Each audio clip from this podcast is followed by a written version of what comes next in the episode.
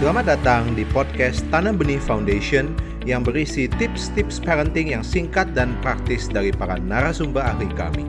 Untuk terus mendapatkan tips parenting terbaru, follow Parenting Podcast Tanam Benih Foundation. Selamat mendengarkan.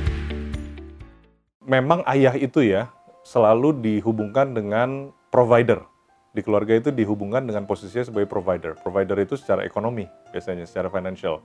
Jadi kesannya tugas utama ayah itu adalah memenuhi kebutuhan ekonomi gitu ya. Nah ini konteksnya memang nggak salah gitu. Tapi kalau dibilang prioritas nggak bisa dibilang prioritas itu yang paling penting, yang lain nggak penting. Karena sebetulnya ada empat role dari dari ayah. Yang pertama itu adalah educator. Educator di sini bukan berarti harus sifatnya akademis, tapi bisa aja sifatnya itu yang etika, moral, values, kesopan santunan itu seperti apa, how do you handle people, how do you interact with people, how do you bring yourself, how do you behave. Itu yang pertama, educator ya tentang values. A lot of this is about values. Yang kedua, itu memang salah satunya adalah spiritual mentorship. Jadi tentang keagamaan, tentang religius, value-value yang didapat dari agamanya masing-masing. Yang ketiga itu memang baru bicara tentang provider. Nah, ini tentang financial. Ya, keluarga itu akan merasa aman, istri pun akan lebih merasa aman kalau memang sang suami itu bisa paling nggak memenuhi kebutuhan sehari-hari, providing. Ya. Dan yang terakhir itu adalah protector.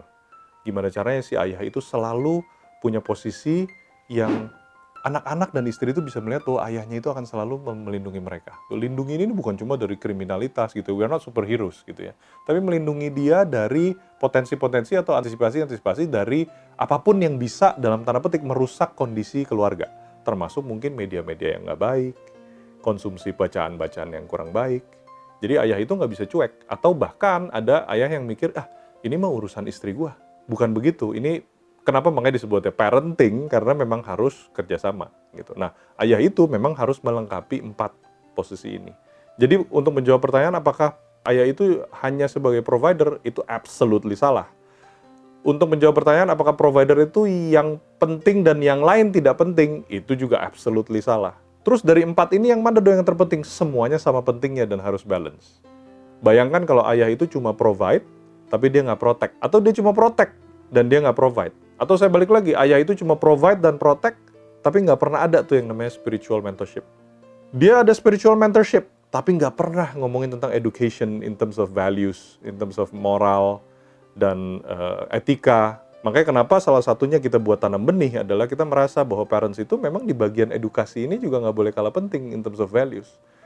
Kita percaya bahwa banyak problem-problem di masyarakat, mulai dari korupsi sampai kriminalitas yang yang yang lain, itu berasal dari values yang belum ditanamkan dari kecil di keluarga. A lot of times orang tuanya nggak bisa kita bilang sebagai pelaku salah juga karena mungkin dia sendiri dari orang tua sebelumnya dan orang tua sebelumnya dari orang tua yang sebelumnya memang nggak pernah dibawa ke arah sana. Selalu tentang providing, providing, providing. Bahkan ada yang suami istri memang cuma pure untuk providing, sisanya diserahkan ke pihak ketiga yang bisa dibayar misalnya secara bulanan. Nah, empat hal ini yang akan melengkapi dia sebagai role-nya sebagai ayah. Anda baru saja mendengarkan tips parenting dari Tanam Benih. Ingatlah bahwa perubahan kecil sekalipun bisa berdampak besar. Follow podcast Tanam Benih untuk ide-ide parenting lainnya.